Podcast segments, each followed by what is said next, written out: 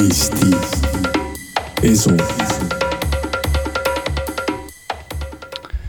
tere jälle, head kuulajad, alustab äh, järjekordne Eesti Eso episood.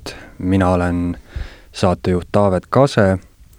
täna on mul külas Tallinna Ülikooli psühholoogiaprofessor, õppejõud äh, Aavo Reintereping. tervist, Aavo! tere, tere! ja täna hakkame siis rääkima sarimõrvaritest nii-öelda, ühiskonna hulludest. et eh, esimesena tahaksingi küsida sinu käest, kes on psühhopaat?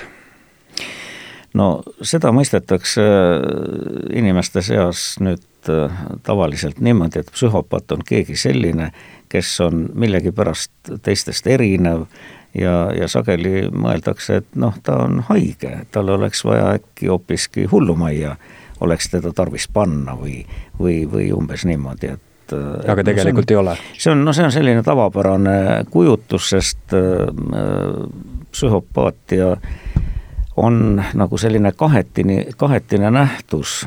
ühest küljest äh, on olemas psühhopaatilised äh, isiksuse jooned, teatud isiksuse omadused mis meil on tegelikult kõigil midagi sellist, mis, mis on ka psühhopaatidele omane. aga lihtsalt psühhopaatidele, psühhopaatide jaoks on teatud iseloomujooned või isiksuse omadused oluliselt tugevamad kui keskmiselt ühiskonnas. nii et äh, kui me räägime psühhopaatidest, siis tuleks ikka vahet teha, et kas me räägime nendest, äh, kes vajavad meditsiinilist abi või siis me räägime psühholoogilises või siis isiksuse omaduste kontekstis sellest. nii et ähm, selles mõttes me võime psühhopaatiliste isiksuse omadustega inimesi enda ümber leida päris palju nagu ma aru saan, siis on olemas ka nii-öelda toimivad psühhopaadid, nagu öeldakse toimivate alkohoolikute kohta, kes ei vaja abi, aga kes on purjus, aga tegutsevad. jah, aga nüüd iseküsimus on, et, et kas me saame neid lausa nimetada äh, psühhopaatideks, sest psühhopaadiks nimetamine tähendaks seda, et, et tal on mingi silt kohe küljes. aga vot kuskohast läheb see piir või, või kas me saame nüüd ähm, inimese kohta, kellel on ka teatud äh, psühhopaatilised isiksuse omadused või see, ütleme siis see psühhopaatia skoor, seda psühholoogias nimetatakse skooriks, sest see on umbes samamoodi, et äh, noh, nii nagu jalgpallis, kes lööb rohkem väravaid, kes lööb vähem väravaid äh, ja, ja siis nende psühhopaatiliste isiksuse omaduste puhul on samamoodi, ühel on neid rohkem, teisel on vähem ja seni, kuni nad saavad oma eluga hakkama ja kui nad ei ole toime pannud midagi erilist sellist noh, teiste inimeste suhtes näiteks, mis vajaks lausa seal ma ei tea, kriminalisti, kriminalistide või, või politsei vahele sekkumist, sellisel juhul on nad täiesti normaalsed inimesed, sest norm ei tähenda ju tegelikult keskmist inimest. Äh, normaalne tähendab ju seda, et on mingi statistiline keskmine, noh, kas sellist keskmist inimest üldse olemas on, see on eraldi küsimus, aga, aga see normi äh, määratlus on, on üsna lai ja need piirid on ka veidikese hägused, et, et äh, kuna nüüd neid psühhopaatilisi iseloomu omadusi on hakatud uurima no suhteliselt hiljuti, ütleme siin mõned kümned või, või veidikese rohkem aastaid tagasi siis sellest ongi jäänud umbes selline kujutlus, et, et psühhopaadid on need, kes tuleks nagu isoleerida, et nad teistele kahju ei teeks ja, ja umbes nii. aga, aga noh, kui nüüd meenutada mõnda sellist millised ja need eh, psühhopaadi isiksuse omadused siis on? no ma võiks siin tuua mõned näited. ütleme, selline klassikaline psühhopaat on Don Juan hmm.. ja Don meie suht-, seas ju on piisavalt võib-olla mitte nii suure võitude skooriga daamide üle, nagu sellel noh, Molière'i Don Juani mm, siis äh, loos oli. aga, aga, aga noh, selliseid isiksuse jooni me võime leida inimeste seas üsna palju. psühhopaat on nii-öelda naistemees siis? mitte ainult. aga mis, mis teeb Don Juanist psühhopaadi? Äh, Don Juanist teeb psühhopaadi kõigepealt see, et äh, ta tapab, vägistab, hurmab ilma igasuguse süümepiinata. ja üks selliseid põhilisi jooni, mis on nagu psühhopaatia selles noh, tunnuste loetelus, on just seesama häbitunde puudumine, piinlikkuse tunde puudumine. ta võib teha ükskõik mida, aga, aga noh, ta ei tunne selle suhtes üldsegi mitte piinlikkust. lihtsustatult öeldes siis äh äkki võib aru saada klassiruumist, et, et lapsed, kellel ei lähe piinlikkusest nägu punaseks, seal on juba midagi kahtlast. nojah, ütleme nii, et, et, et noh, nii, nii lihtsalt seda nüüd mõõta ei saa, et selleks on olemas äh, vastavad küsimustikud ja, ja, ja noh, ütleme siis psühholoogid jälgides ka inimeste käitumist ja kui nad teavad päris hästi äh, kogu, tähendab inimese kohta noh, on hästi palju andmeid, kuidas ta on erinevates olukordades käitunud ja nii edasi. et noh, siis võib nagu hinnata äh, seda psühhopaatilist või psühhopaatia skoori, jällegi ma räägin skoorist, et see on nagu skaala.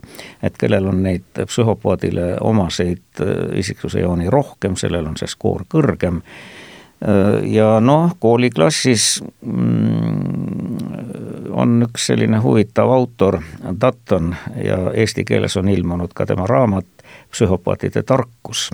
Mm, ta kirjeldab siis umbes niimoodi, et, et tal oli siis lapsepõlves või koolipõlves oli üks, üks väga hea sõber, aga ta oli täiuslik psühhopaat selles mõttes, et äh, matemaatikatöö tuli ära anda õpetajale aga siis ta sõber tuli veel viimasel hetkel, kuule, tead, et äh, minu töö ma ei jõudnud ja võib-olla sa annad mulle ja ma kirjutan selle ümber ja nii edasi.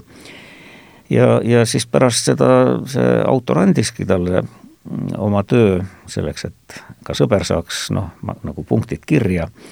Äh, ja siis pärast küsis, et kuule, anna mulle nüüd töö tagasi, et sul on vist see asi valmis.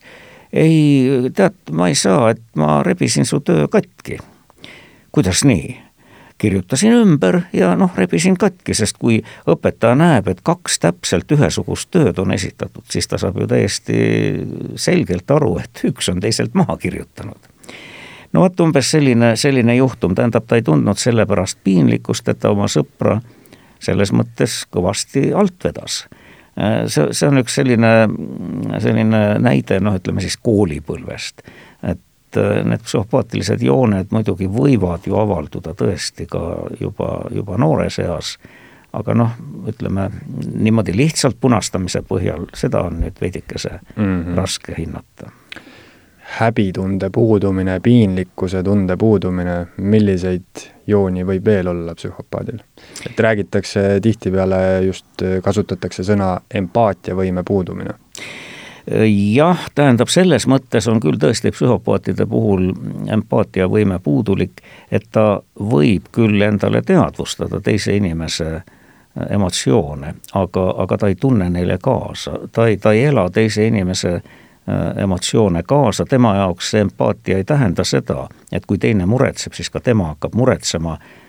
Ja, ja, ja ta nagu tunnetab ise enam-vähem sedasama tunnet. Vaid äh, psühhopaatide empaatia pigem väljendub selles, et nad oskavad suurepäraselt äh, välja valida mm, noh, väliste tunnuste põhjal ja käitumise põhjal oma ohvreid sest äh, psühhopaadid sageli on noh, ülekohtused teiste inimeste suhtes, enda huvides loomulikult, et et, et, selles mõttes on nad küll empaatilised, et nad tabavad väga täpselt ära, kes võiks olla see ohver.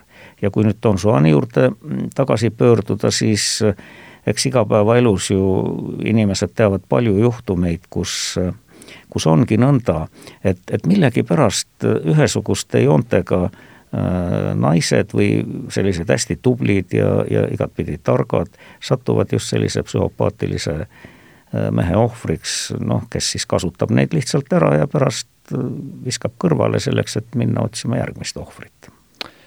Et nagu ma aru saan, siis psühhopaat kuidagi hästi mehaaniliselt saab neist äh, tunnetest aru või mõistuse tasandil? no pigem see ei ole mehaaniline, see on pigem selline teadvustamata, sest me kõik ju mingil viisil teiste inimeste käitumist või teiste inimeste iseloomujooni püüame äh, teiste inimeste käitumise põhjal äh, hinnata. aga, aga jah, psühhopaatidel, kuna noh, tegelikult on just suuremal osal inimestest on niimoodi, et tegutsetakse ikkagi selle nimel, et enda huve ja enda vajadusi rahuldada, eks ole. aga, aga psühhopaadid tajuvad täpselt sedasama teisi inimesi jälgides, kellega saaks nagu kergemini hakkama. ja noh, kui siia selle häbitunde puudumise juurde lisada veel midagi, siis, siis võib-olla järgmine tunnus, mis sellega olen üsna hästi seotud, on halastamatus nad ei tunne lisaks süütundele, nad ei tunne mingit halastust oma ohvrite suhtes. ja selles mõttes, kui ohver käitub kui ohver, kui ta palub, kui ta, noh, kui on juba konfliktini jõutud, siis need palved absoluutselt psühhopaati ei morjenda. tema jaoks on see tema huvi ja see halastamatus jah, on oma eesmärkide saavutamisel on siis üks selline tunnus selle halastamatu, äh, halastamatusega seostubki selline ütleme, üldlevinud arusaam psühhopaadist kui sarimõrvarist. Äh, kas kõik psühhopaadid saavad sarimõrvariteks? ei saa. Need on siis need äh, nii-öelda psühhopaadid, kes ei vaja ravi, need ei ole sarimõrvarid? no ütleme niimoodi, ega siis sarimõrvarid äh, Äh, tähendab, ravi vajavad need, kellele pannakse meditsiiniline diagnoos, et nad, nad, nad on teinud küll midagi, aga nad ei vastuta oma tegude eest, aga äh, psühhopaadid üldiselt vastutavad suurepäraselt oma tegude eest. ja, ja noh, sarimõrvarid on tõesti üks, üks liike, äh, no öeldakse ju niimoodi, seesama Dutton kirjutab, et, et nii sarimõrvarid kui pühakud võivad olla psühhopaadid. sest äh, küsimus ei ole ju selles, et mm, et, et missugused on need iseloomujooned, vaid küsimus on selles, et kuidas inimene neid iseloomujooni kasutab. ja, ja selles mõttes ju noh, Don Juan kasutas seda puhtalt enda huvides, äh, noh, meelitades naisi, võrgutades, vägistades, mida iganes, vajadusel ka tappes aga on ka teine valik, et kui inimene on valinud endale mingisuguse eesmärgi äh, ja ta selle eesmärgi nimel ülimalt sihikindlalt tegutseb, kui ta tegutseb selle eesmärgi nimel isegi niiviisi, et ta tegudest võivad talle endale tulla äh, väga palju kahju, kas lausa füüsilist kahju või lausa hävingut, siis tõenäoliselt on tegemist jällegi mm, sellise kõrge psühhopaatilise skooriga inimesega, sest Äh, üks iseloomuomadusi on, on sihikindlus ja selline ääretu sihikindlus on, on äh, samuti äh, psühhopaatidele üsna omane. huvitav, kas sellest võiks teha järelduse sarimõrvaritest rääkides just, et kõik, kõik sarimõrvarid on psühhopaadid, aga kõik psühhopaadid ei ole sarimõrvarid jah, no jällegi on see küsimus, et kui me räägime psühhopaat, siis just nagu me paneksime talle kohe sildi külge. et äh, õigem oleks ikka äh, mõelda vähemalt, kui me räägime psühhopaatidest, et, et nad on sellest keskmisest mõnevõrra psühhopaatiliste iseloomuomaduste poolest nagu kõrgema skooriga, eks ole mitte nii, et kas psühhopaat ja mittepsühhopaat äh, sellisel moel nagu ei ole päris õige asja lahterdada. aga selles mõttes on jah, see, see, see küsimus on päris õige, et äh, meie hulgas on ju väga palju inimesi, kes on väga sihikindlad, kes loobuvad oma eesmärgi nimel äh, väga paljudest asjadest, no sageli me ütleme, et ta on väga tahtejõuline ja, ja räägimegi, et sihikindel. pigem nagu jah, positiivses. ja, ja aga, aga noh, selles mõttes ega siis me ei saa ju öelda, et et inimene, kelle kohta me võiksime öelda, et tal on kõrget, kõrge psühhopaatiline skoor, et ta oleks meie jaoks ebameeldiv või, või kahjulik või mis iganes. pigem vastupidi, kõik sõltub sellest, kuidas neid iseloomujooni kasutada no kui siit võtta jälle muinasjuttudest veidi, veidi abi, siis eks Harry Potterit on ju enam-vähem vist, ma ei saa öelda nüüd, et kõik, aga küllap väga paljud teavad seda, seda noh, sellist kaasaegset võluri muinasjuttu. ja seal ju Dumbledore, seesama sigatüüka koolidirektor, kui Harry Potter talt küsib, et kui mina olen selle Voldemortiga enam-vähem sama, et kuidas siis on nõndamoodi, et tema teeb pahategusid ja, ja mina jällegi ei, ei taha neid teha, siis Dumbledore ütleb, et see on valikute küsimus. sa võid valida oma andeid kasutades kas ühesuguse või teistsuguse tee ja sama lugu on ju no näiteks arvutihäkkerid, on ju suur osa häkkereid, kes kasutavad oma oskusi pigem selleks, et, et neid pahalasi häkkereid kuidagimoodi pidurdada. või siis luua midagi väärtuslikku või, või, või noh, umbes, umbes sellisel moel. et see sõltub muidugi üsna olulises osas äh, inimese valikutest. huvitav, äh, kui palju meil ühiskonnas üldse psühhopaate on või, või kuidas seda üldse mõõta? no tegelikult ei olegi nagu erilist vajadust hakata äh, Äh, hakata mõõtma nüüd kõiki inimesi ja hinnata või määrata nende isiksuse omadusi, see noh, ütleme, oleks, oleks nagu lisaks kõigele muule ka üsna ebaeetiline, et me paneme inimestele seal teatud äh, noh, numbrid külge ja ütleme, et see on nüüd niisugune, see on nüüd teistsugune.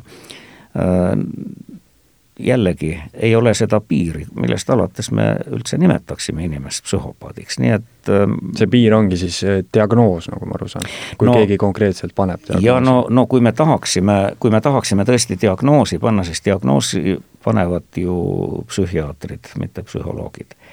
psühholoogid võivad küll, äh, tähendab noh, ma ütlen sellisel juhul diagnoosi, kui äh, kui on seda vaja panna, aga tavainimesele tavakeskkonnas ju ei ole eriti vajadust.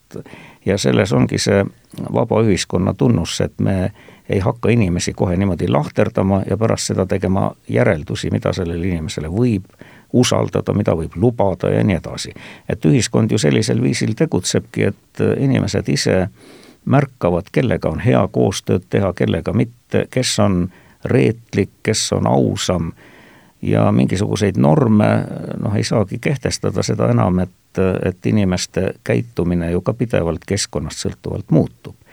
nii et ma võin öelda, et, et neid on üsna palju, aga aga, aga noh, peab ütlema seda, et et kõrge psühhopaatilise skooriga inimesed on väga sarmikad.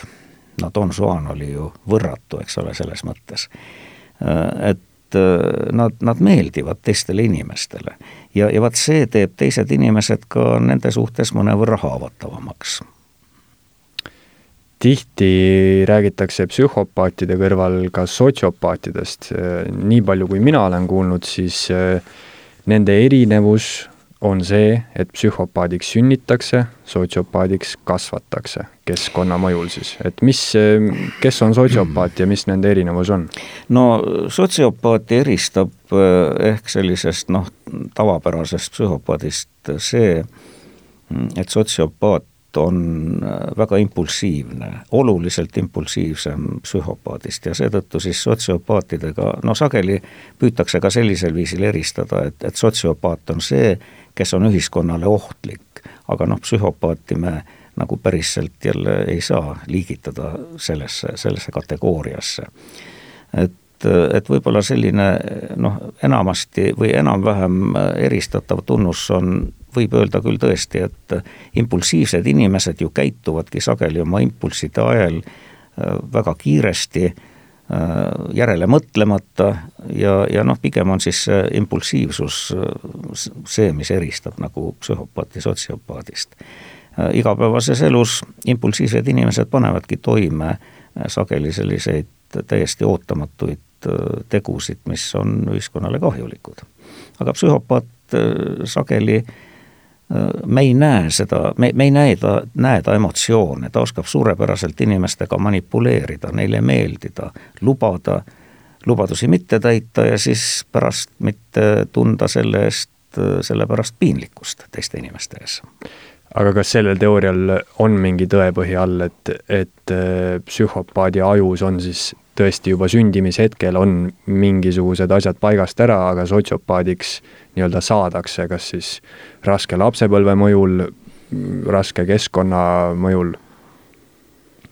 no see on selles mõttes üsna keeruline küsimus, et, et aju-uuringud küll mõningaid tendentse näitavad, aga, aga noh, lausa seda niimoodi, et me lapsepõlves suudaksime määrata kes on kes, see, sellel nagu erilist põhja all ei ole, sest noh, muidu me jõuaksime, oli ju kunagi üks selline mees nagu Lombroso, kes arvas, et kuritegelikkus on kaasasündinud ja lisaks sellele olid ajad, kus usuti, et kui me inimese koljut niimoodi katsume sõrmedega, siis me näeme, seal on teatud kohtades kühmud, mõne koha peal on väikesed lohud ja siis püüti neid äh, psüühilisi funktsioone lokaliseerida teatud kindlatesse ajupiirkondadesse, no ja siis äh, niimoodi aju kat-, või selle äh, kolju katsumisel või, või pea katsumisel siis spetsialistid suutsid määrata, ahaa, see on sündinud kurjategija, see on sündinud noh, üks või teine või heategija, mis iganes. et, et noh, see, see, see teooria nüüd äh, ei ole mingit kinnitust leidnud ja tänapäeval on sellest loobutud.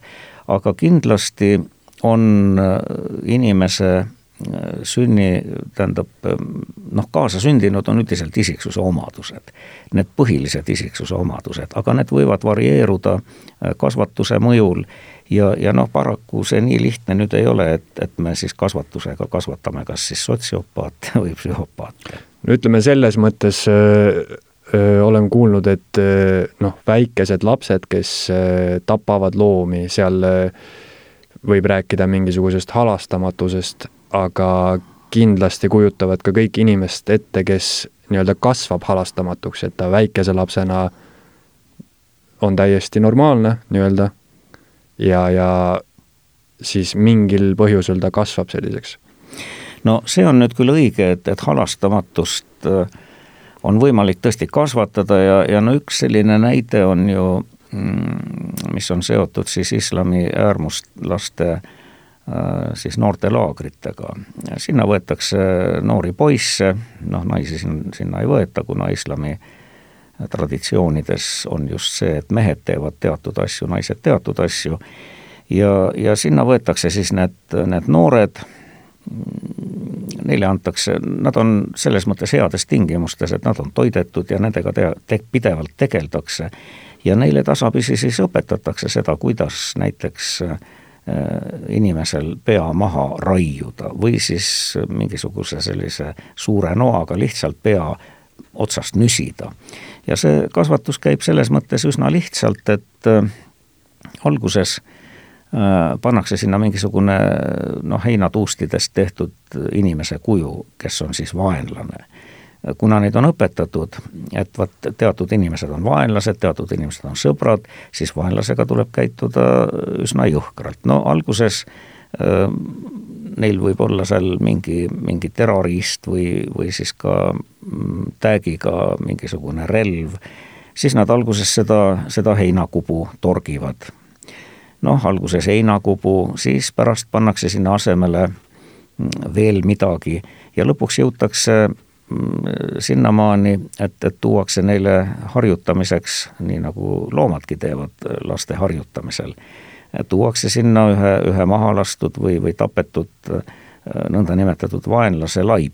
no siis need poisid harjutavad selle laiba peal ja niimoodi nad harjuvadki sellega, et, et see on täiesti normaalne tegevus, tähendab, see, see mõte on siis see, et samm-sammuliselt või samm-sammult lähenetakse mingisugusele kriitilisele olukorrale, mida soovitakse saavutada.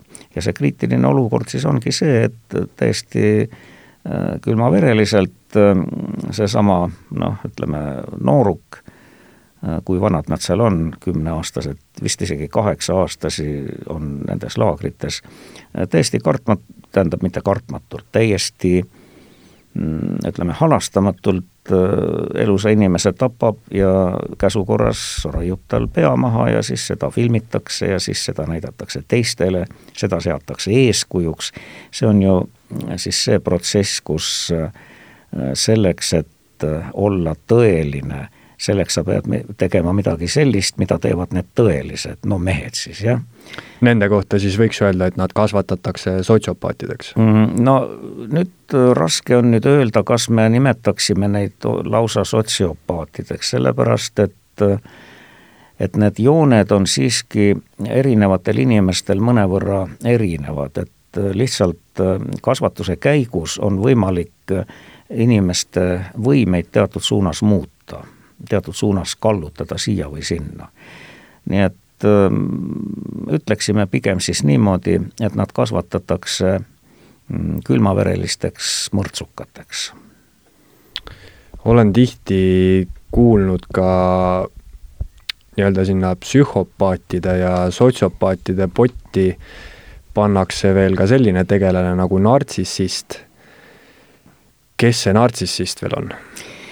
No see on see nõndanimetatud äh, must triaad, mida, mida psühholoogias nõndamoodi nimetatakse, see on siis äh, psühhopaatia, nartsissism ja makiavellism mm. -hmm. Need on sellised kolm nagu veidikese omavahel erinevad, sageli need esinevad, need jooned esinevad inimestel koos.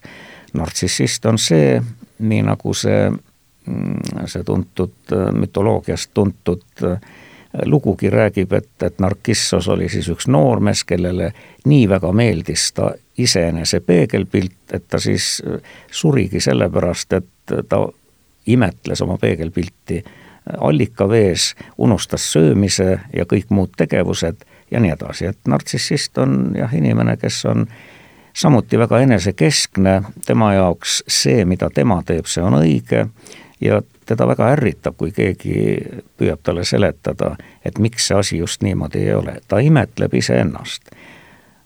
ja noh, iseenese imetlemine paratamatult toob kaasa selle, et, et kõik, mida ta teeb see ongi õige ja nii peabki olema. ja teie siin ärge kobisege, te olete lollid ja saamatud ja nii edasi, aga vot mina.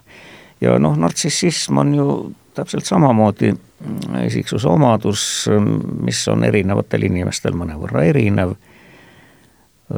Sellised äärmuslikud nartsissistid, nendega on jah, tõesti küll nõnda, et, et vahel nad vajavad meditsiinilist abi, aga mingil määral ju seda eneseimetlust on meis kõigis, nii et me ei saa jällegi öelda niimoodi, et kusagil on nüüd, et ühed on nartsissistid lausa ja teised siis seda ei ole, et see, see piirkond või see see, see piir on hägune. jah, piir on hägune nagu suurema osa Mm, üleüldse inimese isiksuse omaduste põhjal, puhul, et et noh, me ei saa pidada, ütleme, nartsissistlike joontega äh, inimest või siis inimest, kelle see nartsissismi skoor on kõrgem kui keskmine, me ei saa teda pidada ebanormaalseks, sest erinevatel inimestel see ongi mõnevõrra erinev.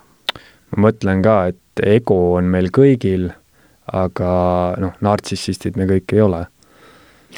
No me ei ole sedavõrd eredad, ütleme nii, aga midagi meis on kõigis, jah. Ja, ja noh, ütleme siis, kui hakatakse inimesest rääkima kui nartsissistist, no siis on need eneseimetluse jooned juba niisugused, et, et, et see on, see on sedavõrd äh, tugevasti märgatav, et, et inimesed panevad seda tähele ja siis hakkavad siis sellist nimetust kasutama. see on selline haiglane eneseimetlus siis? jah, no haiglane on ta siis, kui ta tõesti hakkab inimese elu segama, kui on vaja juba nagu meditsiinilist sekkumist, et et sellega siis tegeldakse juba mm, psühhiaatrias. ja noh, ei ole parata, inimesed on niisugused, nagu nad on ja eks, eks meil kõigil ole midagi sellist. on ju neid, kellele väga meeldib teiste ees äh, olla noh, ütleme siis niimoodi väljapaistev ja eriti kusagile e, mingisuguste eriliste oskuste ja omadustega.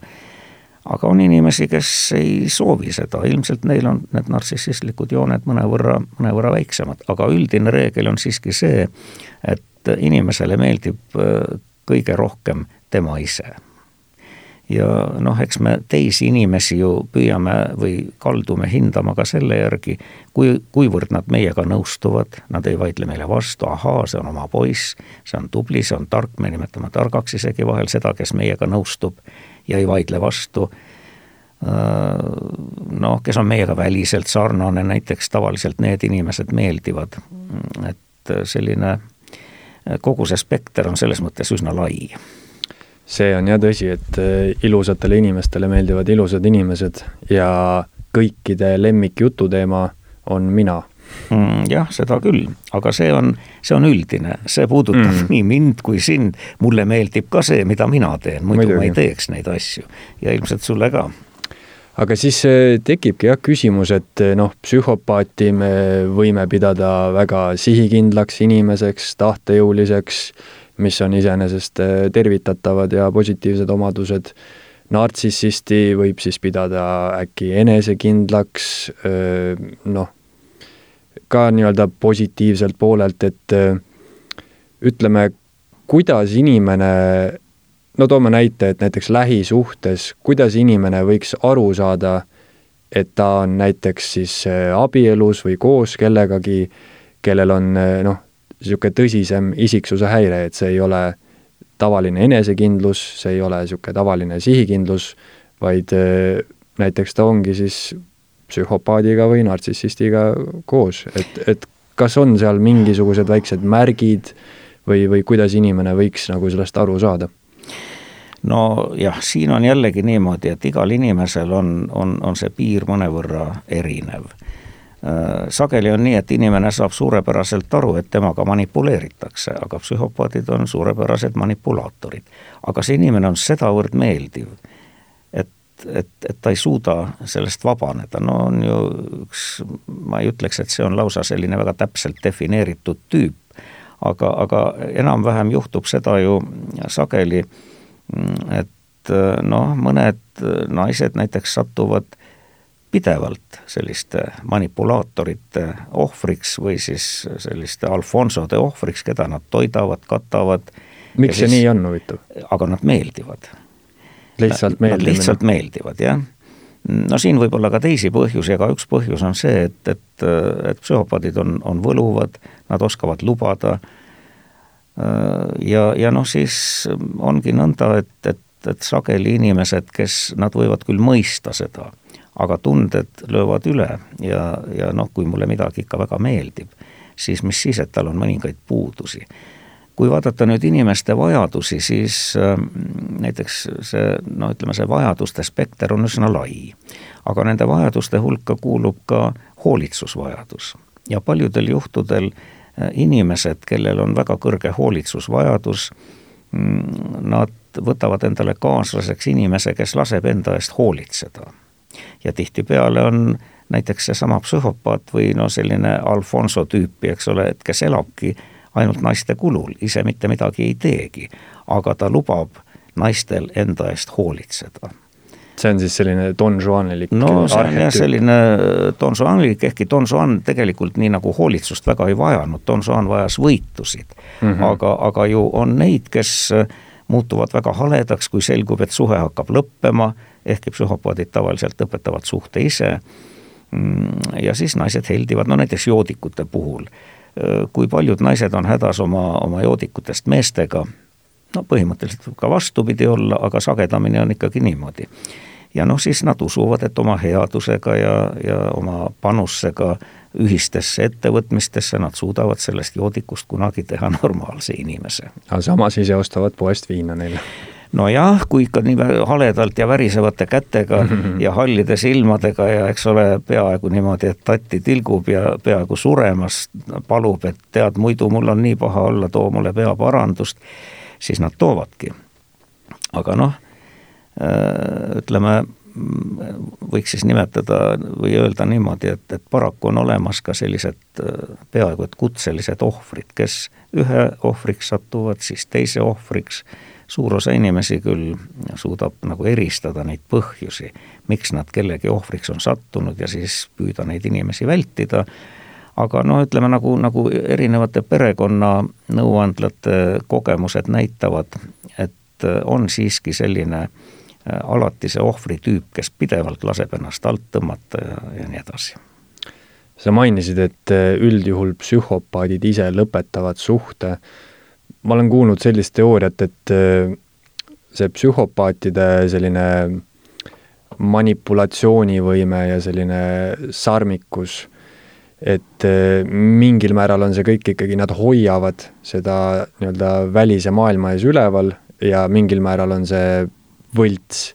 ja siis, et äh, psühhopaatide käitumismuster pidi olema selline, et äh, nad äh, ütleme, kolivad kuhugi uude kohta, nad saavad seal paljude inimestega tuttavaks, saavad selles kogukonnas edukaks, aga siis lõpuks ma ei tea, mis aastate pärast, viie-kümne aasta pärast tuleb see nii-öelda kõik jõuab neile järele nii-öelda, et nad ei suuda enam seda, seda ilusat, ilusat fassaadi üleval hoida ja nad on nii-öelda kõik inimesed enda ümbert tühjaks tõmmanud ja siis nad peavad lihtsalt kuhugi mujale kolima.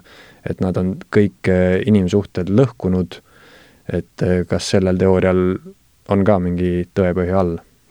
no see ei ole nüüd lihtsalt teooria, aga tegelikult psühhopaatidele ongi omane see, et nad on Nad on väga püsivad eesmärgi saavutamisel, aga samas on nad püsimatud, kui eesmärk on saavutatud ja, ja siis see enam ei huvita. no eks ole, Dorian Gray portree, tuntud Oscar Wilde'i lugu, kirjeldab ju suurepäraselt niisugust äh, psühhopaati, kelle jaoks lihtsalt elu on igav. ta tahab midagi uut, kui see uus on saavutatud, siis see ei ole enam huvitav äh,, igasugused katsed paljastada need Äh, viivad selleni, et kasutatakse vägivalda, lihtsalt tapetakse ära see, kes püüab nagu sellist noh, edukäiku äh, siis väärata. Aga, aga no me oleme siin rääkinud kogu aeg psühhopaatidest nagu niisugustest hirmus jubedatest tegelastest, eks ole, sa ütlesid küll jah, möönsid, et, et okei okay,, tahtejõud ja sihikindlus, et see on kõik väga positiivne. aga, aga noh, kui nüüd vaadata erinevaid elujuhtumeid, siis äh, no kujutad sa nüüd ette ühte, ühte poliitikut, kes on jõudnud kusagile päris kõrgele, ma ei taha rääkida konkreetsetest poliitikutest, aga poliitikutest üldiselt. ta on jõudnud ähm, üsna kõrgele, aga siis tema juures käivad kogu aeg kaebekirjadega äh, need, kes on millegipärast, äh, kes ei ole saanud osa sellest rikkusest, mida ühiskond loob, eks ole, noh, vaesed või, või mingi, millegi poolest hüljatud. Ja nad käivad kogu aeg kaebekirjadega tema juures ja, ja siis kurdavad, kui raske neil elu on ja nüüd, kui sellel, sellel poliitikul oleks selline väga tugev selles mõttes empaatia, et ta elab neile südamest kaasa ja nii edasi, siis neid gruppe on ju väga erinevaid. ta ei suudaks midagi saavutada, kui ta iga grupile hakkaks kaasa tundma ja mõtlema, kuidas nüüd riiki muuta sellisel viisil, et ka nendel oleks hea, sest paljude gruppide huvid ongi ju vastuolulised ja, ja selles mõttes äh, pigem on oluline sihikindlus, ta keskendub mingisugusele ühi, ühele suunale, no kas või sellele, missugune on ta maailmavaade, ehkki maailmavaade sageli ju seda muudetakse poliitikute puhul, aga ta peab keskenduma millelegi ühisele, ühele, mitte niimoodi, et, et killustama ennast erinevate inimeste vahel. ja, ja selles mõttes noh, on uuritud näiteks Ameerika Ühendriikide presidente. Ja nende hulgas on, no seda on Ameerika psühholoogid siis teinud, jah ja, ja seal on siis ka need erineva psühhopaatilise skooriga, aga see on kõigil oluliselt kõrgem, kui on ühiskonna keskmine. sest olla sellises ametis, sa pead olema teatud juhtudel äh, pead olema siis väga kiire otsustaja, kuid igasugune otsus paratamatult võib kaasa tuua ohvreid, aga sa, sul ei ole võimalust, et sa neile ohvritele kaasa tunned, vaid sinu ees on mingi suurem eesmärk.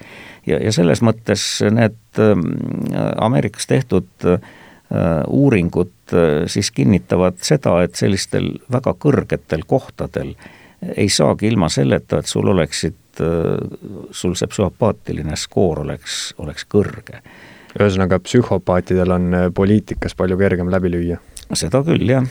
ja või, või noh, võtame ühe, ühe sellise näite, kus see psühhopaatide äh, ütleme, erilisus ja olulisus tulevad kenasti välja. see on ühe, ühe upu, uppunud laeva lugu, see ei olnud mitte Titanic, aga see oli siis äh, tuhat kaheksasada nelikümmend üks, üks laev siirdus Liverpoolist Philadelphiasse ja kusagil Newfoundlandist, kusagil kahesaja viiekümne miili kaugusel põrkas ta jäämäega kokku, noh sellist äh, jäämäega kokkupõrkeid on ju laevanduses piisavalt olnud, äh, kogu, kogu personal või kõik need laeval olevad reisijad, see õnnestus nüüd panna paati, aga äh, aga siis ühte paati, mis, mis suutis kanda ainult äh, neliteist õieti seitsmele mõeldud, seitsmele inimesele mõeldud paati, pandi kolmkümmend reisijat.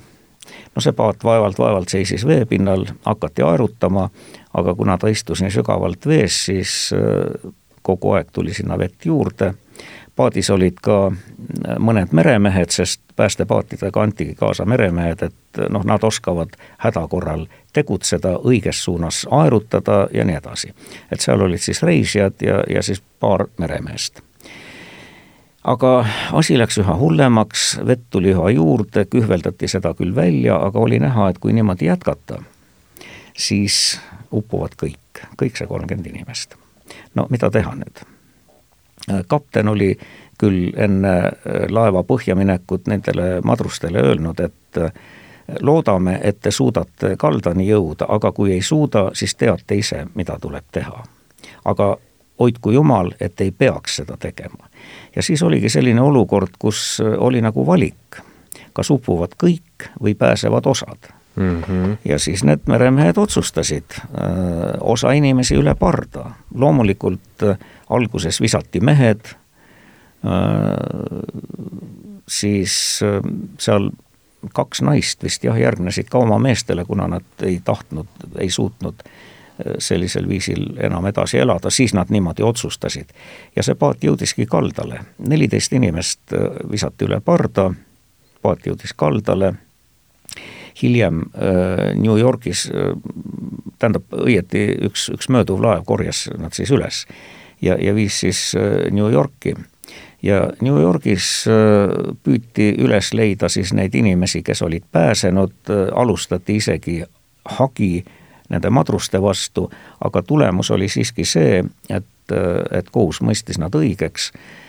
No vot selline olukord, kui palju inimesi on neid, kes suudaksid täiesti külmavereliselt äh, üle parda heita täiesti terveid, normaalseid inimesi selleks, et päästa vähemalt osagi.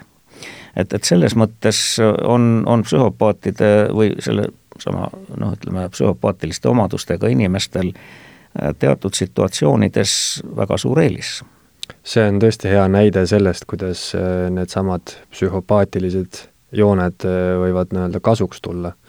et selline ülimalt empaatiline madrus oleks võib-olla, või noh, ta lihtsalt ei oleks saanud kedagi üle parda visata ja oleks uppunud kõik, aga vähemalt mõned said päästetud.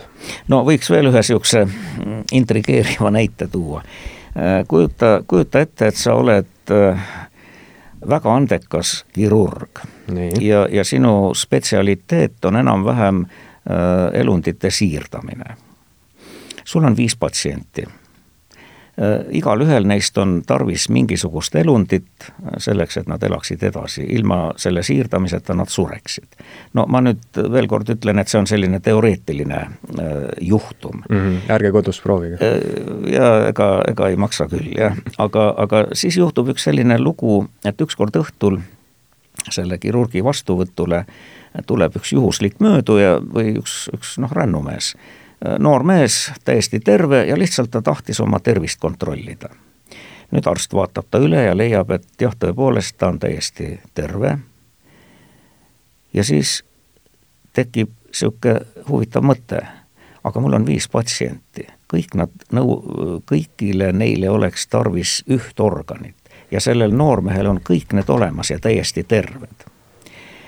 Mida nüüd sellise arutelu põhjal siis võiks nagu, nagu öelda selleks, et päästa viis inimest, oleks mõistlik ehk tappa see üks inimene mm. -hmm. no igapäevaelus inimesed sellisel viisil mitte kunagi ei tegutse, sest on teatud eetilised piirid ja ega ma ei ütle ka seda, et, et psühhopaadist arstid seda tõepoolest nõndamoodi teeksid. aga see on selline teoreetiline konstruktsioon, et, et kui nüüd see küsimus esitada no näiteks no erinevatele inimestele, jah, siis on suurem osa inimesi ütleb, et ei, nemad küll ei teeks mitte midagi sellist, et kasutada seda ühte juhuslikku. selles mõttes ka, et, et mitte keegi teda ei tunne selles linnas ja see, see tapmine jääks täiesti võib-olla avastamata. ja sinna tahaks kohe juurde küsida igasugu küsimusi, et noh, nagu me teame, elundite siirdamine, see ei pruugi ikkagi päästa seda, et ma ei tea, kas organism ei võta vastu seda elundit või mis iganes, ütleme, et tapad selle ühe terve ära mm, -hmm. ükski nendest viiest patsiendist ei taastu ja, ja noh, aga kui sa oled psühhopaat, siis ei ole sul muidugi mingisugust süümepiina, et siis on suva. jah, aga no õieti, see küsimus on ka pigem selleks, et, et proovida nüüd eristada äh, erinevate ütleme siis otsustustega inimesi mm. -hmm. ja üldiselt on niimoodi, et need, kellel on see psühhopaatiline skoor kõrgem, need otsustavad üsna, üsna ruttu, et jah, tõepoolest otstarbekas oleks teha nii ja teised jällegi hakkavad mõtlema selle üle, et ei noh, kuidas ma ikka inimest tapan ja nii edasi. nii et siin on see, siin tuleb välja seesama halastamatus.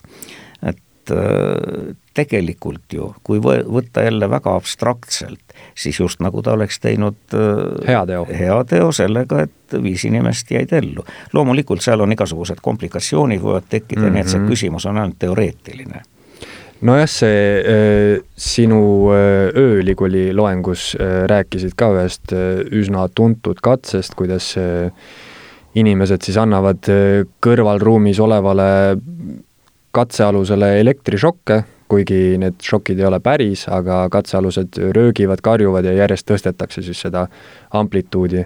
et äh, kas äh, nii-öelda sellistes testides või kui, kui nüüd kuskil äh, mõõdetakse neid inimese psühhopaatilisi jooni, et kas need ongi sellised testid ja sellised küsimused, mida, mida esitatakse?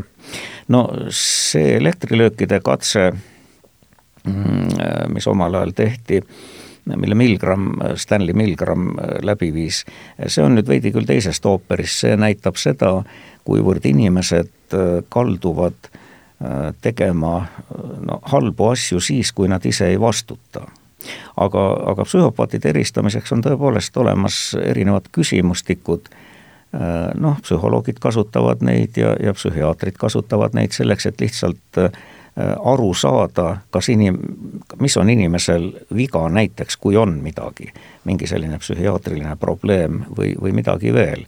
et äh, sellised mõõdikud on jah olemas ja tänu neile mõõdikutele, noh, ma siin võtsin huvi pärast välja ühe niisuguse, niisuguse uuringu, kus on siis nende psühhopaatiliste äh, joonte järgi püütud, äh, püütud reastada mm, siis erinevaid, äh, erinevaid tegelasi ajaloos. ja, ja no näiteks poliitikute puhul siis üsna kõrge skoor näiteks võiks, võis olla Adolf Hitleril kes noh, teadupärast kõlab loogiliselt, jah. kõlab loogiliselt. täpselt samuti äh, üsna kõrge psühhopaatilise skooriga, nagu ma siin juba rääkisin, on, on suur hulk äh, Ameerika Ühendriikide presidente, aga no Donald Trumpil ilmselt äh, mulle tundub, et tal võib-olla oleks see nartsissisti skoor päris kõrge. tal on need kõik asjad kõrged ütleks niimoodi.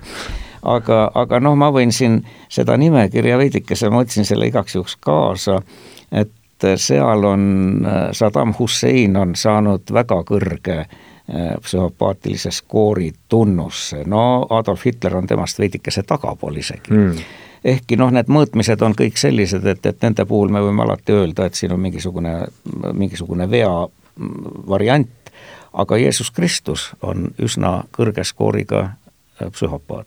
ometi ta on ju meile eeskujuks, ta on äh, noh, mis asi, ta on pühak, eks ole. see on hea näide jah, sellest vastandlikkusest. et, et äh, jah, tõepoolest, et äh, erinevad inimesed võivad äh, oma nende isiksuse omadustega olla kas suured heategijad või näiteks suurte usuvoolude juhid, näiteks nad peavad ju väga palju selle, selleks enda isiklikest huvidest loobuma, et, et, et juhiks saada ja, ja seesama loobumine ja valmisolek äh, kannatusteks eesmärgi nimel, äh, see on ka psühhopaatidele üldiselt omane, nii et äh, me ei peaks psühhopaatidest rääkima kui mingitest jõletistest, vaid me peaksimegi neid käsitlema siis nii, et need on teatud liiki isiksuse omadused, mis ühel on rohkem, teisel vähem. täiesti ühesuguseid inimesi ei ole ja noh, sellist absoluutset keskmist inimest, võib-olla seda ka on võimatu leida ja, ja iga inimese muidugi enda valik on, mis ta siis nende iseloomujoontega peale hakkab. seda küll ja noh, eks see valik sõltub muidugi paljudest asjadest, nii äh, nii ütleme siis sellest, millises keskkonnas see inimene on, kes teda ümbritsevad, missugused valikuvariandid tal üldse on. aga noh, kui nüüd siin vaadata jah, veel veel siis noh, näiteks nende psühhopaatide, psühhopaatide erinevate isiksuse omaduste peale, siis siin on nagu sellist neli peamist mõõdet. üks on siis see, mis on seotud inimestevahelise suhtlemisega, no seal on siis selline sarmikus, libekeelsus, kõneoskus, eneseuhkus, patoloogiline valetamine, psühhopaadid suurepäraselt oskavad valetada. no lähme nüüd poliitikute juurde, eks ka poliitikutele on sageli see omane. et, et äh, sinna jõuavadki inimesed, kellel on teatud isiksuse omadused. No siis on seal emotsionaalne osa, sellest me juba rääkisime, et, et süütunde puudumine, tihtipeale äh, psühhopaadid suudavad väga hästi tundeid teeselda, aga need ei ole tegelikult tõelised. no siis elustiil, tavaliselt psühhopaatidele, psühhopaatidel on omane kalduvus tüdimusele ja, ja see küsimus, kui sa siin küsisid kümme aastat ühes keskkonnas elada, tõenäoliselt psühhopaat ei peaks seda vastu, vaid ta siirdub kusagile mujale, sest vaja on uusi elamusi. noh, mis veel, antisotsiaalsed äh, sellised omadused võivad olla, vähene kontroll oma käitumise üle, see on nüüd pigem küll sotsiopaatidele omane mm. -hmm. et, et, et neid selliseid omadusi on, aga neid me võime ju mingil määral näha kõigi inimeste puhul.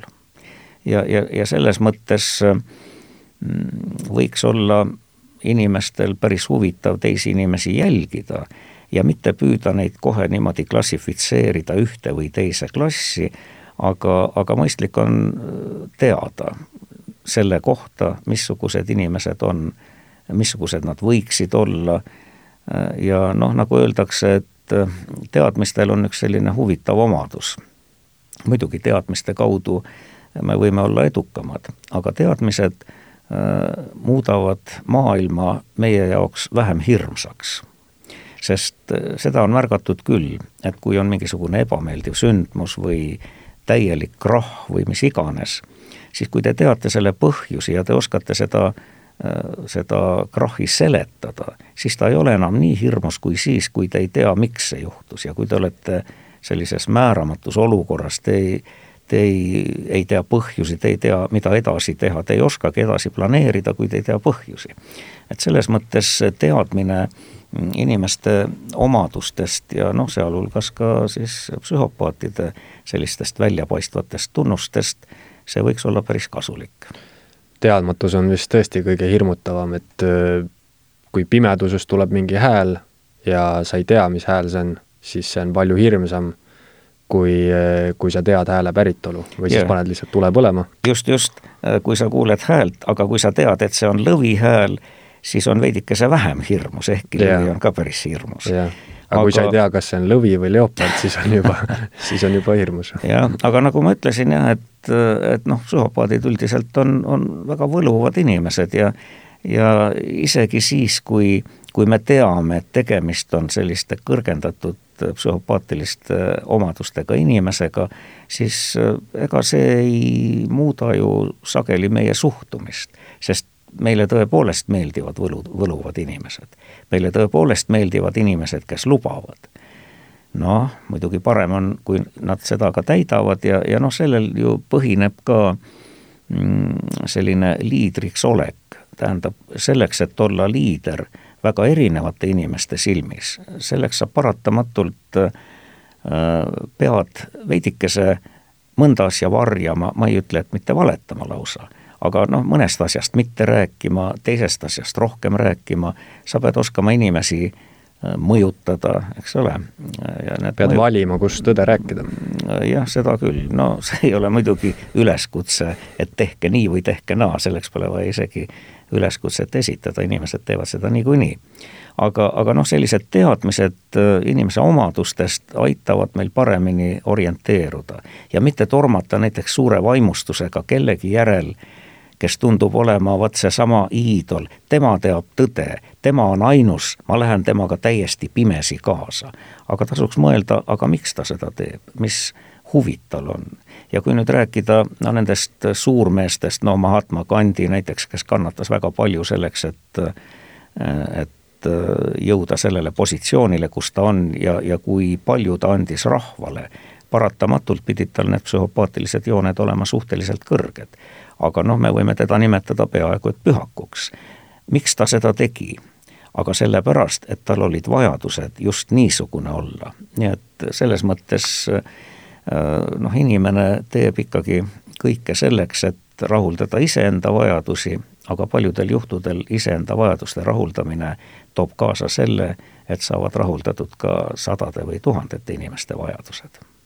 ja sellised äh, suurkujud tunduvad alati noh, tundub, et neil on siis need äh, iseloomujooned ikkagi, volüüm on seal üsna peale keeratud, sellised psühhopaatilised, psühhopaatilised jooned ja võib-olla siis ka kõikidest nendest midagi, et nii psühhopaat, äh, psühhopaatidelt, sotsiopaatidelt kui ka nartsissistidelt. üks, äh, üks mu lemmik Sari Mõrvari äh, dokumentaalfilme on Icemanist, jäämehest. ja, ja tema jäi lõpuks vahele, ta oli, ta töötas maffia palgamõrvarina ja kunagi ei tundnud mingisugust süüd ega midagi ja ta jäi vahele ja siis temaga on tehtud äh, mitmeid intervjuusid äh, juba siis, kui ta vangis istus. ja, ja muidugi kõiksugu psühholoogid on teda analüüsinud ja, ja tema kohta öeldi, et, et tal olid just need, äh, ta oli väga, väga tugev psühhopaat, tal oli väga raske nii-öelda keskkond, see, kus ta üles kasvas, ja pluss ta oli veel ka tohutu nartsissist. et kõik need kolm olid nii-öelda nagu täiesti peale keeratud ja midagi ma mäletan sealt filmist, et just äh, selline kombinatsioon, et kus kõik need avalduvad äh, väga äärmuslikult, et äh, selliseid inimesi on seal mingi ühe protsendi juures kogu ühiskonnast. no see on nüüd ka üks põhjus, võib ju küsida, et milleks selliste lurjustega tehakse üleüldse intervjuusid ja miks neid uuritakse, aga see põhjus ongi selles, et et saada mõista, paremini teada, jah? saada paremini teada, mis asi see on, kuidas see väljendub ja, ja nii edasi ja selles mõttes no kõige rohkem ongi äh, psühhopaatide uuringutega tegeldud Ameerikas, kuna noh, Ameerika psühholoogia on võiks öelda niimoodi, et, et üks maailma juhtivamaid ja neid eksperimente on tehtud seal ka kõige rohkem. nii et äh, selliste asjade uurimisega on jah, võimalik Äh, üht-teist inimese kohta üldse teada saada. ja no selles mõttes muidugi lapsepõlvel on kahtlemata väga suur mõju, et äh, inimene õpib tegema seda, mis toob talle edu, eks, see on selline noh, ütleme nii kasvatuses kui õppimises üks selline printsiip, et kui inimene teatud viisil käitub ja see käitumine on edukas, siis ta kordab seda käitumist. ja kui on algselt mingisugused äh, sellised, ütleme noh, see isiksuse põhiomadused on sellised, et nad võivad kalduda siia või sinna, see on alati nii. aga kui keskkond on selline, mis paneb inimese olukorda, kus ta saab eesmärgi siis, kui ta on julm, kui ta on sõnamurdlik ja nii edasi, siis selline muster hakkabki korduma ja siis me saamegi sellise noh, ütleme täiusliku sotsiopaadi, mida, mida jõhkramalt inimest koheldakse lapsepõlves, seda suurem tõenäosus on see, et ta kujuneb just selliseks. sest selline käitumine, ta õpib selle ära, et see annab soovitud tulemuse.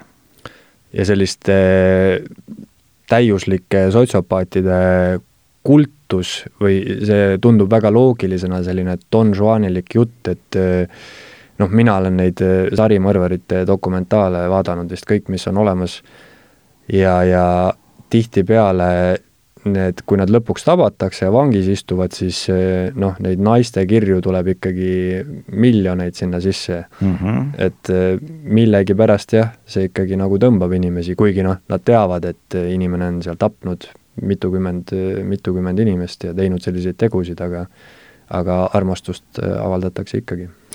siin on jah, selline huvitav seos veel, et noh, see on jälle selline ürgne ja noh, praegusel ütleme siis sellise võrdsust äh, kuulutaval ajajärgul on, on veidikese võib-olla riskantne seda rääkida, aga, aga mis puudutab siis sotsiopaat või äh, psühhopaate, äh, siis naised näevas, näevad selles sellist mehelikkust.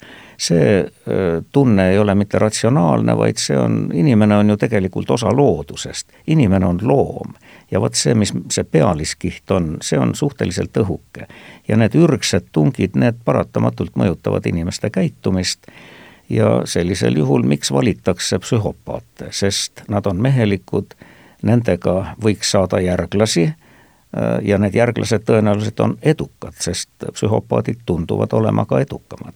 aga sellist pikemat kooselu tavaliselt ei eelistata psühhopaadiga, ühesõnaga psühhopaat on selleks, et saada järglased ja siis minna koos elama kellegi sellise vaikse, stabiilse ja mitte eriti äkilise inimesega, see on üks selline, selline jälle huvitav, huvitav taktika, mis kuidagimoodi äh, noh, ütleme nendest äh, alfaisasega teha lapsi ja beetaisane võtta endale abikaasaks. just jah, et, et noh, selles mõttes äh, ei ole nüüd siis äh, seda kartust ka, et need, need siis mitte alfa, vaid siis need järgmised isased, et need jäävad päris silma, ei jää, nendega elatakse rahulikult elu lõpuni, aga alfaisastel on paljunemisel mingi mõningane edu. muidugi see ei tähenda seda, et nad võtavad absoluutselt kõik, vaid ainult osa kas see on äh, tõsi, et inimese, sa ütlesid, et, et mingisugused iseloomujooned äh, tulevad kindlasti sünniga kaasa, aga sellised põhilised iseloomujooned arenevad välja kuskil seal mingi kolmandaks eluaastaks ja siis, siis saab ainult peale ehitada, et siis otseselt enam inimese karakterit ei muuda? no jah, üldiselt on küll õige see, et tõepoolest inimese elus on äh, kõige olulisemad need kolm esimest aastat, seda räägivad mm, kõik äh, arengupsühholoogid. Äh, isiksuse jooned on suures osas kaasasündinud, need põhilised isiksuse jooned. aga siis nende väljendumise muster, see kujuneb välja. kujunevad ka sellised üldised hoiakud maailma suhtes, tõesti kusagil kolme-nelja aasta vanuses. loomulikult, kui inimese elus on hiljem väga niisuguseid dramaatilisi muutusi, siis võib nende isiksuse omaduste väljendumine ka muutuda.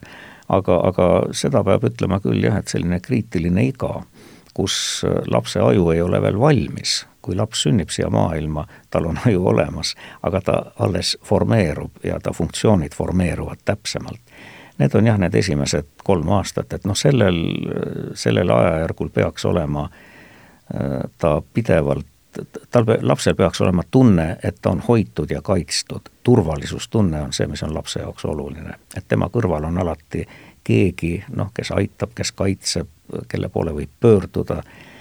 Äh, ja noh, siis kujuneb selline normaalne mm, ühiskonna kodanik, eks ole, siis on eeldus selleks ega jah, et kui sa esimesed kolm aastat äh, elad koos huntidega ja siis saad endale kasuvanemad ja, ja väga armastavad kasuvanemad, aga siis on vist juba hilja midagi muuta. no ega ei ole väga hilja, ega kogu see värk nii väga lootusetu ei ole aga, aga kindlasti mingisugune baas pannakse nooruses. ja kui sa nüüd siin nimetasid hunte, siis tegelikult äh, huntidel on, on, on väga sümpaatne sotsiaalne struktuur ja, ja omavahel äh, siis ka see suhtlemine. et, et noh, seesama ütlus, et äh, inimene on inimesele hunt, äh, no kui nüüd inimesed oleksid omavahel nagu hundid, siis oleks võib-olla erinevaid konflikte isegi vähem, sest tegelikult hundid kasvatavad oma hundikutsikaid väga targalt aga nad kasvatavad teda hunt, hundiks, mitte aga inimeseks. ja seal on eh, hierarhia on vist ikkagi väga, väga konkreetselt paigas mm. -hmm. nii see on. Et äh, niimoodi ikkagi ei tasu siis äh,, mul siin üks sõber äh, sai lapse ja siis noh, ikka tuleb alati see nali, et äh, et no järgnevad kaheksateist aastat on sul siis sisustatud, aga aga võiks ka öelda, et äh, järgnevad kolm aastat pead ainult äh, tähelepanelik olema ja siis juba läheb ludinal edasi? no tegelikult siis inimene õpib sellega, et tal on laps, ütleme niimoodi et, et aga, aga noh, tegelikult ju eks inimene vajab äh, enda kõrval alati teisi inimesi. aga jah, kui nüüd veel psühhopaatidest rääkida, siis noh, ütleme, mis on nii nagu kõigil inimestel on tegelikult see omane, et kui me midagi teeme, siis me seda käitumist õigustame. ja psühhopaatidele on see mõnevõrra tugevamini omane, nad leiavad alati oma käitumisele mingisuguse põhjuse, mingi põhjenduse. Nad ei eksi kunagi siis? jaa, nende arvates kindlasti mitte. välja isegi siis, kui teised arvavad nii aga nüüd, kuna, kuna siin jah, oli juttu veidikese ka sellest, et noh, kas kuidagi on võimalik eristada inimesi, kellel on see kõrge psühhopaatiline skoor, siis selleks on küsimustikud, aga selleks on ka mm, erinevad sellised noh, ütleme, reaalse elu testid. Ja arvata võib, et küllap sellistes erioperatsioonide rühmades peaksid olemagi inimesed, kes on kiire otsustamisega, sihikindlad, kellel on kõrged psühhopaatilised jooned. ja kujuta nüüd ette sellist katset, et sulle öeldaksegi, et me teeme nüüd ühe väikese katse, mm, et äh, me paneme sul silmad kinni, seome sind ka kinni, et sa liikuda ei saa ja auto sõidab sinust üle aga, aga noh, niimoodi, et, et sinus mingit viga ei ole, et see vahe on üsna väike, ole seal rahulikult, nii edasi. no nüüd inimene on pikali või siis sa oled pikali, eks ole. Äh, nüüd ähm, kuuled auto mürinat, see tuleb üha lähemale, noh, väike ärevus võib-olla on, aga, aga noh, pole hullu, sest sa tead, et midagi niikuinii ei juhtu. siis jääb äkki auto seisma sa kuuled, et autojuht tuleb kabiinist välja, ütleb, et kurat küll, siin mootoriga mingi jama, ma pean korraks vaatama. ja, ja läheb siis kõrvale, et mida, mingit tööriista tooma ja siis teine, kes seal garaažis on, küsib, et kuule, kas sa käsipiduri panid ikka peale? nii, nüüd edasi te kuulete, et miski asi nagu läheneb ja tunnete äkki kusagil oma siin külje peal, just nagu ratas mm -hmm. puudutaks teid. no vot, nüüd on küsimus, et, et kui palju inimesi suudaksid selle testi läbi teha niimoodi, et nad ei hakkaks seal paanitsema või püüdma üles hüpata või, või, või mis iganes. et see on üks selline jällegi noh, katse, mida, mida nende samade eriüksuslastega vahel tehakse selleks, et siis selgitada, kas neil on piisavalt neid psühhopaatilisi omadusi. külma närvi. külma närvi jah, sest äh, kuidas on, võiks ju võrrelda või, või noh, vaadata, mille, mille poolest erineb tavainimese ja psühhopaadi mõtlemine kriitilises olukorras. tavainimene kujutab ette, mis võib juhtuda, mis mm -hmm. kõik võib juhtuda. aga praegu pole veel juhtunud, no mis sa kujutad ette seda, mis võib aga psühhopaat suudab väga täpselt eristada seda, et praegu on ju asjad korras, eks ole. ja mitte mõelda selle peale, mis tuleb tulevikus, vaid keskenduda sellele konkreetsele asjale olevikus. et, et see on nüüd üks selline noh, kindlasti kriitilistes olukordades positiivne joon, mis on psühhopaatidele omane. meie vestlusest tulebki välja, et täitsa toredad inimesed on need psühhopaadid ja täitsa kasulikud mingis mõttes. aga ma tahtsin veel küsida, kui nüüd, kui nüüd ma avastan, et ma ei tea, et ütleme, ma olen abielus psühhopaadiga ja, ja see ei ole selline positiivne psühhopaat, vaid pigem mõjub mulle hävitavalt, et kuidas psühhopaate, sotsiopaate ravida saab, on neil üldse mingi ravi või, või neid ei muuda? no kui sa, kui, kui su partneriks on, on inimene, kellega, kellega sa mingil hetkel avastad, et, et kooselu ei ole võimalik, siis ma arvan, et äh, ei ole mingit põhjust hakata teda ravima, sest äh, siis tuleb ära minna ei, ei, ei ole vajadust, tal ei ole ju mingisugust meditsiinilist näidustust. kui ta sinu suhtes käitub vastikult mingil ajal, aga see ei ole ju meditsiiniline probleem. aga ütleme, kui ta siis ise saab sellest aru ja tahaks ennast ise ravida? noh, vaevalt, et nüüd Äh, psühhopaat äh, tajub äkki süümekat sinu suhtes, eks ole, et see on nüüd, see on nüüd vähetõenäoline, aga pigem on küll niimoodi, äh, seesama Dutton, kes, ma soovitan seda raamatut kõigil lugeda, see on, see on tõeliselt hästi kirjutatud. et, et mõningate juhtude puhul sageli inimesed mõtlevad, et pagan küll, juhul kui nad teavad, missugused on need psühhopaatide isiksuse jooned, et et kust saada rohkem neid psühhopaatilisi jooni selleks, et saavutada oma eesmärk, ma olen seal sellele nii lähedal, aga vot viimasel hetkel millegipärast lõin vedelaks või mm -hmm. umbes niimoodi. et, et selles mõttes äh, sagedamini inimesed tunnevad küll kui nad enese käitumise peale mõtlevad, et, et nad võiks, oleksid võinud olla rohkem otsustavad, rohkem julmad, vähem kaastundlikud, ehkki kaastundlikkus on ju sotsiaalselt äh, aktsepteeritav ja, ja selline soositav iseloomujoon, aga, aga paljudel juhtudel ka kaastunne segab meid eesmärgini jõudmist. no sealt tuleb ka hea ütlus, et ükski heategu ei jää karistuseta. niimoodi räägitakse jah, ja noh, kui nüüd meenutada mm, Tarkovski filmi Solaris, siis seal üks tegelastest ju ütlebki niimoodi, et, et kaastunne hävitab meid mm. -hmm. no selge, ühesõnaga ravida ei ole psühhopaatia mõtet, pigem on mõtet saada veel rohkem psühhopaadiks. Jah, aga noh, ega see ei ole niisama lihtsalt võimalik, et sõrmenipsuga ja ma mm -hmm. olengi nüüd, mul on neid psühhopaatilisi jooni rohkem. no ja selline, kui väga üldiselt siis võtta, et psühhopaatidel on väiksem empaatiavõime, ega seda vist jah, mingisuguse raviga nii-öelda peale ei keera mm. -hmm. no muidugi jah, kui veel erinevaid tegelasi, siis noh, James Bond, eks ole, no täiesti tüüpiline äh, psühhopaat, selliseid inimesi. Kui Eesti peale mõelda, siis äkki Toomas Nipernaadi? Äh, jah, no või sest ta oli ka selline hästi liikuv ja, ja naistemees. seal oli jah, see neid psühhopaatilisi jooni küll, aga no sellist analüüsi otseselt ei ole nüüd tehtud, nii et ma niimoodi hoobilt ei, ei saaks seda öelda mm -hmm. ja, ja tegelikult ega niimoodi distantsilt Äh, diagnoosi või, või isiksuse omadusi väga täpselt niimoodi öelda, see ei olegi päris, päris hästi võimalik, aga tõesti, Nipernaadi vajas äh, elamusi suve läbi, eks ole. aga nii, nagu ta naine ütles, et talvel on ta täiesti kodune, kirjanik teeb seda, mida ta teeb, aga vot suvel on vaja elamusi. no vot äh,, aga aitäh, Aavo, selle huvitava vestluse eest ja jah, siia ei oskagi midagi rohkem öelda. no mina ütleks küll niimoodi, et jälgige inimesi, mõelge, miks nad niimoodi tegutsevad, aga ärge püüdke neile kohe panna silti külge. psühhopaadiks ei ole mõtet kedagi sõimata kohe? seda küll, jah. võib-olla see võib olla hoopis kiitus, kui te niimoodi ütlete ja kui ta päriselt ongi psühhopaat, siis no ta... siis nii ongi. aga kui see segab teid, siis hoidke lihtsalt eemale vot selle soovit-, soovitusega lõpetame. Äh, järgmise korrani. Eesti Esu